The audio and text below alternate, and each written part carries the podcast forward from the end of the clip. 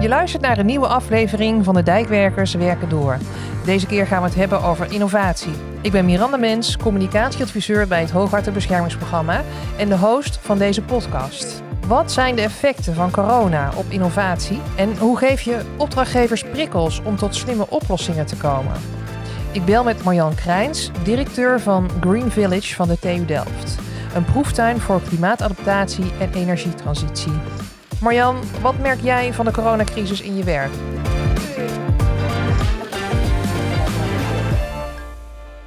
Nou, ik werk op de TU Delft en hier is eigenlijk alles uh, stil komen te liggen.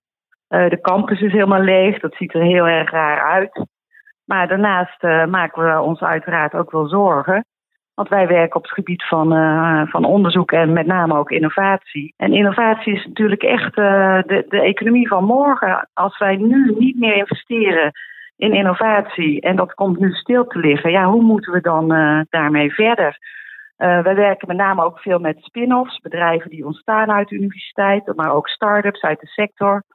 En het gros van die start-ups die zijn aan het innoveren door allerlei experimenten te doen. Die bouwen iets, die testen iets, die kijken hoe het dan weer beter kan. Nou, dat soort uh, trajecten liggen allemaal stil op de proeftuin uh, wat wij hier zijn. Uh, gebeurt eigenlijk niks. Ja, ja. En dat is dus ook, daardoor komt het ook, je komt ook niet meer bij elkaar. Hè? Op het terrein bij ons ontmoeten bedrijfsleven, overheden, werken start-ups samen met wetenschappers, studenten komen helpen met ergens aan meewerken. Nou, die hele, dat hele proces van co-creatie, dat vindt natuurlijk helemaal niet meer plaats. Nee, dat ligt helemaal stil. En wat doen de startende ondernemers in deze tijd? Nou, in het begin hadden ze het natuurlijk vooral even heel zwaar. Maar uh, uh, we hebben heel veel mensen, met heel veel hebben we contact. En we zeggen ook tegen hen, gebruik deze tijd nou effectief. Want normaal ben je maar aan het doorrennen. Hè? Het zijn vaak kleine bedrijven, moeten heel hard werken. En nu heb je eigenlijk ook eens een keertje tijd om uit de waan van de dag te stappen, om te kunnen reflecteren, goed na te denken. Wat zijn eigenlijk uh, mijn, uh, mijn toekomstperspectieven? Dat zijn zaken waar zij uh, normaal de tijd vaak niet voor nemen. Dus dat is, dat is heel positief. En daarnaast proberen we ze ook te stimuleren om juist nu uh, goede projectvoorstellen te schrijven. de, de topsector uh, uh, water heeft bijvoorbeeld ook een goede regeling, de MIT-regeling. Die is specifiek voor MKB'ers die willen innoveren. Nou, veel van die bedrijven hebben vaak niet de tijd om daar een goed voorstel voor te schrijven. Maar in de afgelopen maartronde hebben we met heel veel start-ups gezorgd dat er goede, goede indieningen kwamen. En straks in september komt de, de, de RD-ronde daar van diezelfde regeling aan. Dus we zeggen ook tegen hen: kom op, probeer nu echt die tijd daarin te investeren. Dat uh, brengt je misschien uh, ja, na de crisis ook wel weer, weer wat, wat, wat nieuwe kansen. Ja, een stap verder. Nee, dus de start-ups die liggen nu eigenlijk stil hè, in hun ontwikkeling, wat jij zegt.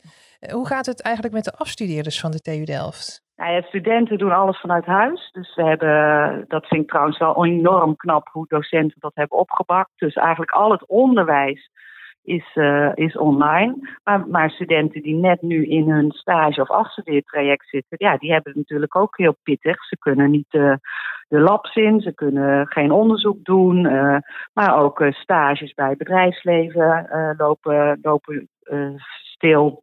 En daarnaast heb je natuurlijk dat heel veel van onze studenten een, uh, een tijdje naar het buitenland gaan voor een stuk onderzoek. Nou, dat gaat nu ook allemaal niet door. Uh, maar dat heeft eigenlijk ook nog best wel een uh, bijzondere kant. Want doordat mensen nu niet allemaal naar, naar Azië, Australië, de VS gaan, zijn ze nu op zoek naar opdrachten in Nederland. En uh, zien ze eigenlijk dat wij zelf ook een heel interessant en buitengewoon uh, ingewikkeld watersysteem hebben, waar nog heel veel aan te onderzoeken is. En dat is dan wel weer een, uh, een leuke kant, dat je nu ziet dat er veel meer waardering komt voor je eigen leefomgeving. ik weet niet hoe dat bij jullie zit, maar bij mijzelf merk ik dat ook. Dat ik steeds meer denk, goh, wat woon ik toch op een mooi plekje. Want je leefwereld wordt wat kleiner, je loopt steeds een rondje om je eigen huis. En dat, uh, dat zie je eigenlijk bij de studenten nu ook wel ontstaan. Ja, ja, mooi, mooi. En Marian, de Green Village is um, uh, gespecialiseerd in het stimuleren van duurzame innovaties. Wat heb je nodig om goed te kunnen innoveren? Nou, in de eerste plaats, wij zijn natuurlijk een technische universiteit. Dus van ons uit kijken we vooral ook wel naar nieuwe uh, technologische oplossingen. Hè. Wij zijn ingenieurs, daar zijn we goed in. Maar dat is echt maar één puzzelstukje van innoveren. We zien dat het heel belangrijk is wat, hoe past het in de wet en regelgeving? Hoe gaan gemeenten, waterschappen, Rijkswaterstaat, dat soort partijen ermee om? Maar hoe kun je het ook verder uitrollen? Uh, wil je succesvol innoveren, dan moet er ook geld mee verdiend worden. Dus de, de, de businessmodellenkant, de mogelijkheid om echt waarde te creëren en je kosten te dekken is heel belangrijk. En als laatste belangrijke punt zien wij dat uh, juist in moeilijke transities, zoals klimaatverandering, de energietransitie, uh, de omarming van het brede publiek enorm belangrijk is. Dus je kunt wel van alles willen, maar als de samenleving daar niet uh, in meegaat, of zich misschien wel zorgen maakt over veiligheid, privacy of de eigen portemonnee, dan gaat het ook niet lukken. Dus daarom kijken we echt wel naar al die verschillende aspecten. En daar is, uh, is juist zo'n proeftuin, zoals wij zijn, ook een hele uh, belangrijke plek in. Ja, ja. Waar zie jij de komende tijd kansen voor innovatie? Nou, het onderwerp uh, klimaatverandering blijft natuurlijk heel hoog op de agenda staan. Uh, naast de pandemie is dat nu een andere hele grote crisis in de gehele wereld. Nou, we hebben gezien dat de EU, die hebben een Green Deal aangekondigd. Hij gaat waarschijnlijk iets vertraagd uitgerold worden, maar hij komt er wel degelijk aan. En daarbinnen komt er een heel groot pakket voor onderzoek en innovatie rondom duurzame oplossingen. Nou, als Nederland zijn wij daar traditioneel heel goed in. Maar als wij ook straks in die grote rondes uh, uh, voldoende projecten naar onze kant willen trekken, dan moeten we wel zorgen dat we ook koploper zijn en blijven. Dus daarom vind ik het ook wel heel erg belangrijk dat we nu niet innovatie stilleggen, maar echt doorgaan en zorgen dat wij een, een belangrijke rol kunnen blijven spelen in Europa. En welke rol spelen jullie als Green Village hierin? Hè? Hoe probeer je te voorkomen dat we als Nederland straks achter de feiten aanlopen? Nou, het, uiteindelijk is, is zo'n terrein zoals wij zijn, een plek waar je kan experimenteren, is heel erg vroege fase. Dus je bouwt hier een prototype, je gaat uh, uh, echt vooral hele nieuwe dingen doen. Wij houden goed in de gaten waar liggen dan de grote maatschappelijke uitdagingen als ondernemer ben je vooral vaak bezig met je product steeds te verbeteren. Wij proberen meteen de koppeling te maken met wie heeft er dan dadelijk uh, behoefte aan jouw product? Hoe gaan we dat dan samen in de markt zetten? En wil een, een gemeente eigenlijk wel die type waterbergende oplossingen op straatniveau die jij nu aan het proberen bent? Dus die verbinding is heel belangrijk. Uh, daar, uh, daar helpen we hen ook bij. En daar helpen we zowel de ondernemers bij als ook het hele, uh, de hele sector daaromheen. En ehm, door het ook echt te doen, hè, zeker in de waterwereld geldt zien is doen geloven, is het heel belangrijk om het echt wel in levende lijven aantoonbaar te kunnen laten zien. Nou, dat ligt op dit moment even stil, maar we blijven door ontwikkelen aan die nieuwe innovaties, zodat als we straks weer wat meer ruimte krijgen, we gewoon weer op het terrein hier allerlei mooie experimenten kunnen bouwen. En, en hoe zorg je dat we als Nederland uh, goed blijven aangesloten, ook bij de kansen die uit zo'n Green Deal kunnen voortkomen? Nou ja, we boffen natuurlijk enorm dat uh, Frans Timmermans uh, de, de commissioner is die dat hele traject trekt. Hij uh, komt heel vaak in uh, Nederland op bezoek. Uh, hij weet waar wij voor staan. Ook zijn kabinetschef Diederik Samson is recent nog hier bij ons ook op de Green Village op bezoek geweest om zich te laten informeren over allerlei nieuwe innovaties die er in Nederland plaatsvinden. Dus ik denk dat wij daarin ja, zeker voorop lopen en dat, dat weet men in Europa ook. Ja, ja. Marjan, je vertelde net al wat nodig is om goed te kunnen, kunnen innoveren. Uh, later in deze podcast spreken wij Gijs Ploegmakers. Hij is directeur-eigenaar van bouwbedrijf Ploegam. En hij stelt dat ook de zachte waarden zoals een open bedrijfscultuur essentieel is om goed te kunnen innoveren. Herken jij dit? Ja, daar kan ik me uiteraard zeker in vinden. Wat wij uh, heel erg uh, ervaren is dat je hebt mensen met lef nodig. Mensen die het letterlijk aandurven om te innoveren. En uh, dat geldt bij de opdrachtgevers. Hè. In, in, de waterwereld is dat toch vaak de publieke sector. Daar moet je vaak een kampioen hebben binnen een gemeente, binnen Rijkswaterstaat, die eraan wil gaan trekken. Maar aan de andere kant zou ik ook willen uh, zeggen tegen de aannemers. Eigenlijk moeten jullie het ook aandurven. Jullie moeten niet alleen het werk zelf willen doen, maar juist ook met een innovatieve startende ondernemer samenwerken. En, en om dat te stimuleren, dat vinden we heel, heel erg belangrijk. Dat doen we graag hier. Helaas ligt ook dat natuurlijk wel even stil. Maar laten we wel uh, met elkaar zorgen dat we dat heel snel weer oppakken. Want uh, als we uh, de innovatiepotjes nu ook gaan wegbezuinigen, nou, dan hebben we later echt een heel groot probleem. Ja, oké okay, Marjan, dankjewel. Succes met je werk. Dankjewel, graag gedaan.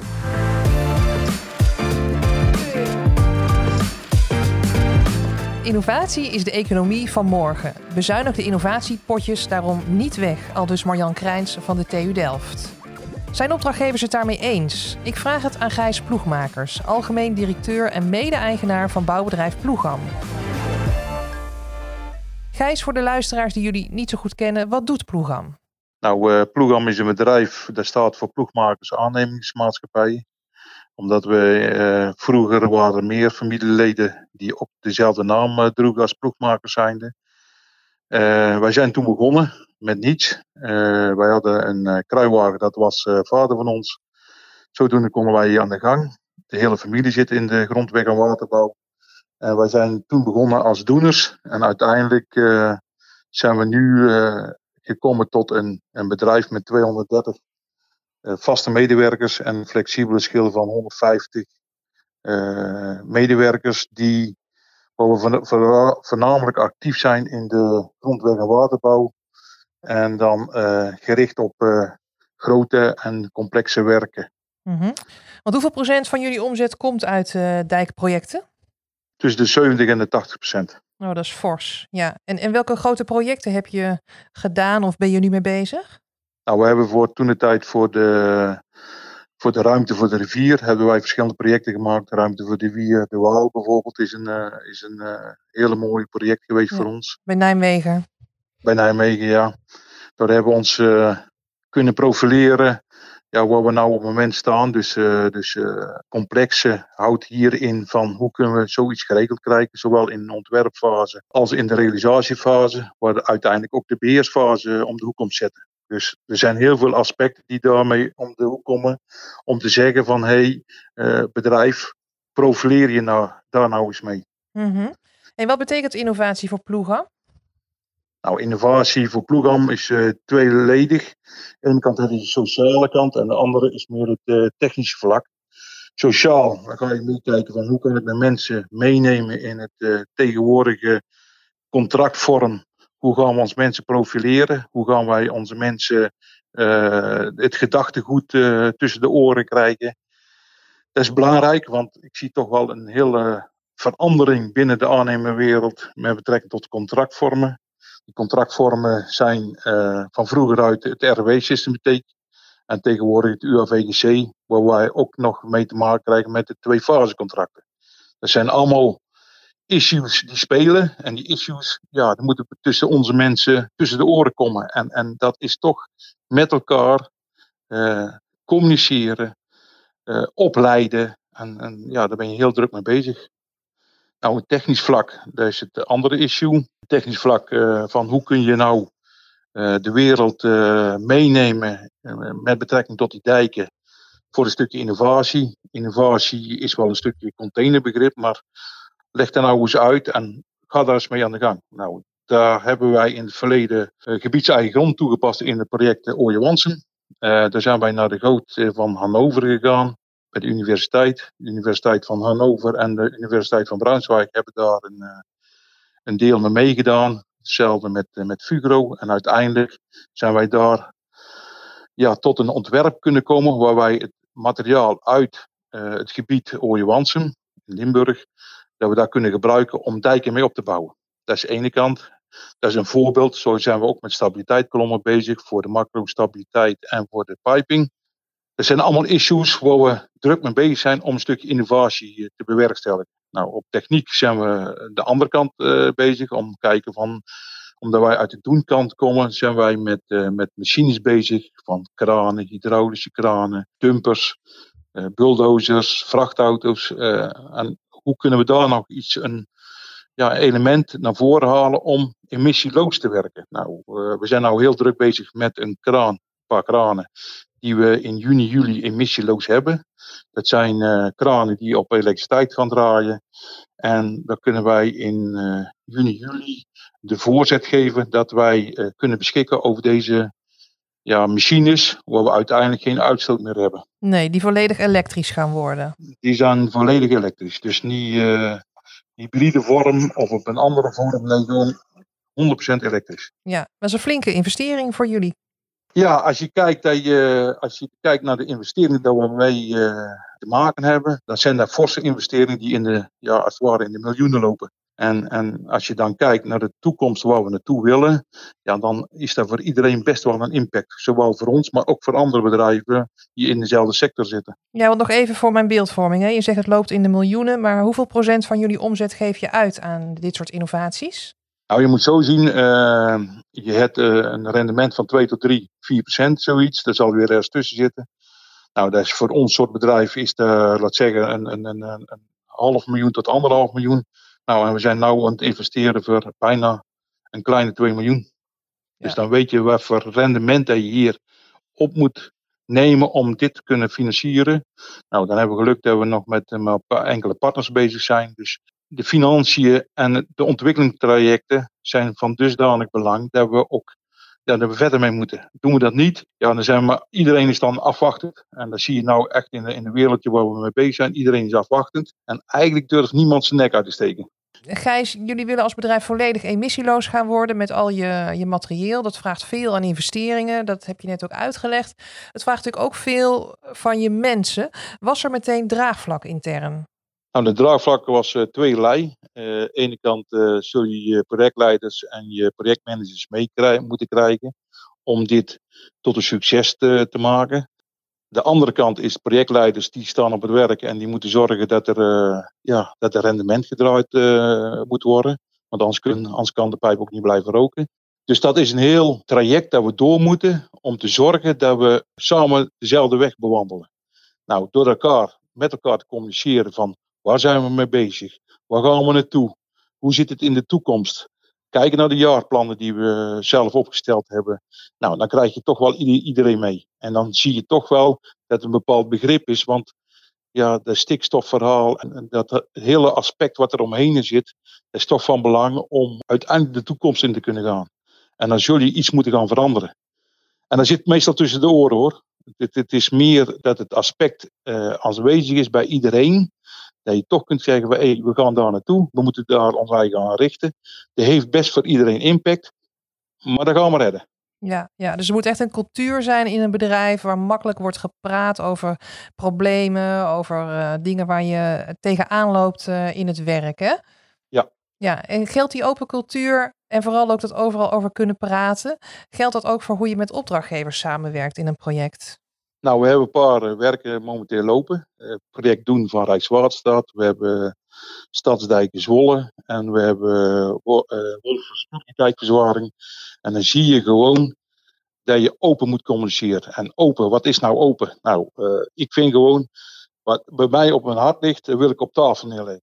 Maar dat verlang ik ook van de opdrachtgever. Dus alles wat er bij iemand ook maar dwars zit, leg er nou eens gewoon op tafel. En dat kan op financieel gebied zijn, dat kan op uh, inkopen-issues zijn. Bijvoorbeeld, uh, we hebben maar een bepaald budget, tot zover kunnen we maar gaan, maar leg het gewoon op tafel. Want dan kan die doelstellingen van elkaar beter in, in harmonie komen. En dan kun je ook veel makkelijker met elkaar communiceren. En hoe opener dat je bent, wij leggen bijvoorbeeld onze werkbegroting gewoon open om te kunnen communiceren met elkaar van hoe hebben wij dat gezien? Hoe zijn onze prijzen opgesteld? En dan komen we met die prijs wat tot het boutje van, van de machine. Nou, en, en doordat je dat open daar neerlegt, dan kun je ook een gezonde discussie krijgen over wat heb je wel meegenomen en wat heb je nou eens niet meegenomen. Ja, en is dat nou nieuw in de aannemerijcultuur, dat overal maar over moeten kunnen praten? Ja, dat is echt. Uh, ik zie dat met die twee fasecontracten, dan zie ik duidelijk dat er een verschil komt in, in, in oud gedrag. De oud gedrag van vroeger, dat ebt helemaal weg. Uh En wat is dat oud gedrag van vroeger dan? Daar ben ik wel even benieuwd naar. Nou, de oud gedrag van uh, vroeger is: dit staat er in ons contract. En uh, ja, wij vinden dat dit niet omschreven is in het contract. Dus wij willen daar een prijs, een, een nieuwe prijs voor indienen. Nou, op een gegeven moment, als je open naar elkaar bent, dan zeg je ook wat er nog aan risico's aankomt. En dan zeg je ook van, hé, hey, eh, let erop, dit is volgens, volgens ons meer dan wat jullie nou beschrijven. Nou, als je dat goed met elkaar weer kunt leggen, dan kun je uiteindelijk ook eerlijk geld voor eerlijk werk uh, neerleggen. Ja, en dat komt de samenwerking alleen maar te goede, kan ik me voorstellen. Ja, ja. Dan zijn uiteindelijk, praat je niet meer over de laagste prijs, nee, dan praat je over de laagste kosten. En dat is een veelvoud van de laagste prijs. Ja, ja. Ik je verteld dat je nu dus de komende jaren al je materieel gaat verduurzamen. Dat wordt een mhm. nieuw uh, belangrijk hoofdstuk, kan ik me voorstellen, in de geschiedenis van jullie familiebedrijf. Vraagt veel investeringen. Wat is de grootste zorg die je hebt voor de komende jaren? Nou, mijn grootste zorg is dat ik mijn uh, opdrachtgevers meekrijg in de nieuwe ontwikkelingen die er nou aankomen. We hebben allemaal onze mond vol van innovatie en het moet duurzaam. Maar opdrachtgevers, leg eens nou eens uit wat jullie zelf willen. Willen jullie wel naar emissieloos? En als je naar emissieloos uh, wilt gaan, zul je er ook voor moeten betalen. Nou, dan houdt dat voor jullie ook in dat je uh, een stukje beschikbaarheid moet hebben voor eventueel subsidie of, of, of, of het meedenken van hey, hoe kunnen we daar nog veel beter uitrollen over Nederland. Want nou zie je overal partijtjes bezig zijn. Maar er is eigenlijk geen chemie met elkaar. Terwijl dat volgens mij op een heel makkelijke manier kan. Ja, iedereen zit te veel op zijn eigen eiland. Is dat wat je zegt? Ja, ja. En, en je, kunt, je kunt veel makkelijker schakelen. Doordat je alle partijen bij elkaar hebt. Wat zijn de mogelijkheden? Hoe staat de techniek erin? Wat voor veiligheid moet ik aan? Moet ik veiligheid met betrekking tot CE? Of moet ik de veiligheid nog hoger maken naar automotive? Dus hoe dat het in de autobranche geregeld is. Nou, dat zijn allemaal aspecten die daar om de hoek komen zetten. Nou, en ik vind gewoon, daar moet je met elkaar overheen, met elkaar kunnen filosoferen van, hé, hey, we leggen die veiligheid op een bepaald niveau als voorbeeld zijnde, en daar gaan we voor.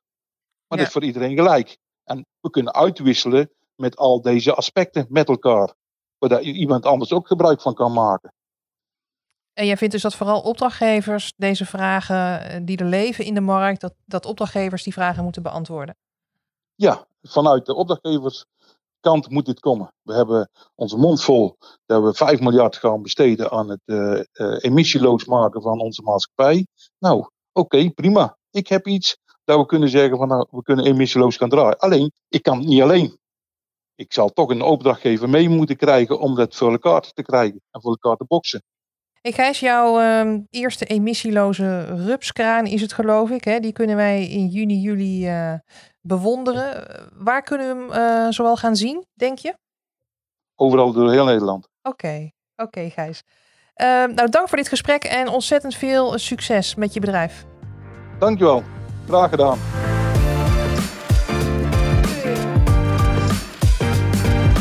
Opdrachtgevers moeten duidelijk aangeven aan marktpartijen wat ze verwachten aan duurzame innovatie. Nino Lopulalan van inkoopadviesbureau Significant schreef in opdracht van Piano een inspiratiebundel over prestatieprikkels voor innovatie. Hey Nino, we spraken met Gijs Ploegmakers. Hij is directeur-eigenaar van bouwbedrijf Ploegam. En hij vindt dat bouwbedrijven meer geholpen moeten worden bij kostbare innovaties. Hoe kunnen opdrachtgevers nou prikkels geven aan marktpartijen om met slimme oplossingen te komen? Ja, dat, daar gaat eigenlijk onze inspiratiebundel over. Uh, samen met Piano hebben we deze inspiratiebundel gemaakt. Uh, het gaat eigenlijk in op de vraag hoe je uh, ook na het sluiten van het contract innovatie kan blijven stimuleren. Um, nou, daar geven we in de bundel handvatten aan inkopers en contractmanagers om dat te kunnen realiseren. wat je ziet is dat in reguliere inkooptrajecten ehm, ja, bijvoorbeeld in aanbesteding dus een doel wordt geformuleerd, uh, bijvoorbeeld emissiereductie. Uh, en als de aanbesteding dan voorbij is, ja, dan daalt ook de energie uh, op dat onderwerp. Um, nou, en een voorbeeld is dat in een opdracht een halve vloot van de opdrachtnemer verduurzaamd moet worden. dus materieel en machines. Um, Maar je wil na het behalen van die doelstelling niet dat er gestopt wordt met verdere verduurzaming van die vloot. Ehm, je, je wil eigenlijk dat de hele vloot dan duurzaam wordt. En welke concrete prikkels kunnen opdrachtgevers meegeven in een contract? Ja, in de inspiratiebundel geven we daar verschillende voorbeelden van. Um, bijvoorbeeld het uh, geoormerkt innovatiebudget. Dat is eigenlijk een heel laagdrempelige uh, manier. Uh, waarmee je het doel van nou, bijvoorbeeld die, die emissieloze vloot kunt, kunt realiseren. voor dat doel kan je dan als opdrachtgever budget reserveren. waarmee je ook de bereidheid laat zien om te investeren in verduurzaming. Ehm, maar daarvoor moet de opdrachtnemer wel voldoen aan bepaalde voorwaarden. Die dan in het contract zijn vastgelegd. en door dat vast te leggen, geef je eigenlijk je opdrachtnemer uh, nou, vooraf al, al zekerheid voor de, voor de investeringen die gedaan moeten worden. Een ander voorbeeld uh, ja, is de leerruimte. Rijkswaterstaat past de leerruimte toe in, in veel prestatiecontracten. Bijvoorbeeld in het project Self-Supporting River System, waarmee de doorstroom van, van rivieren wordt ondersteund.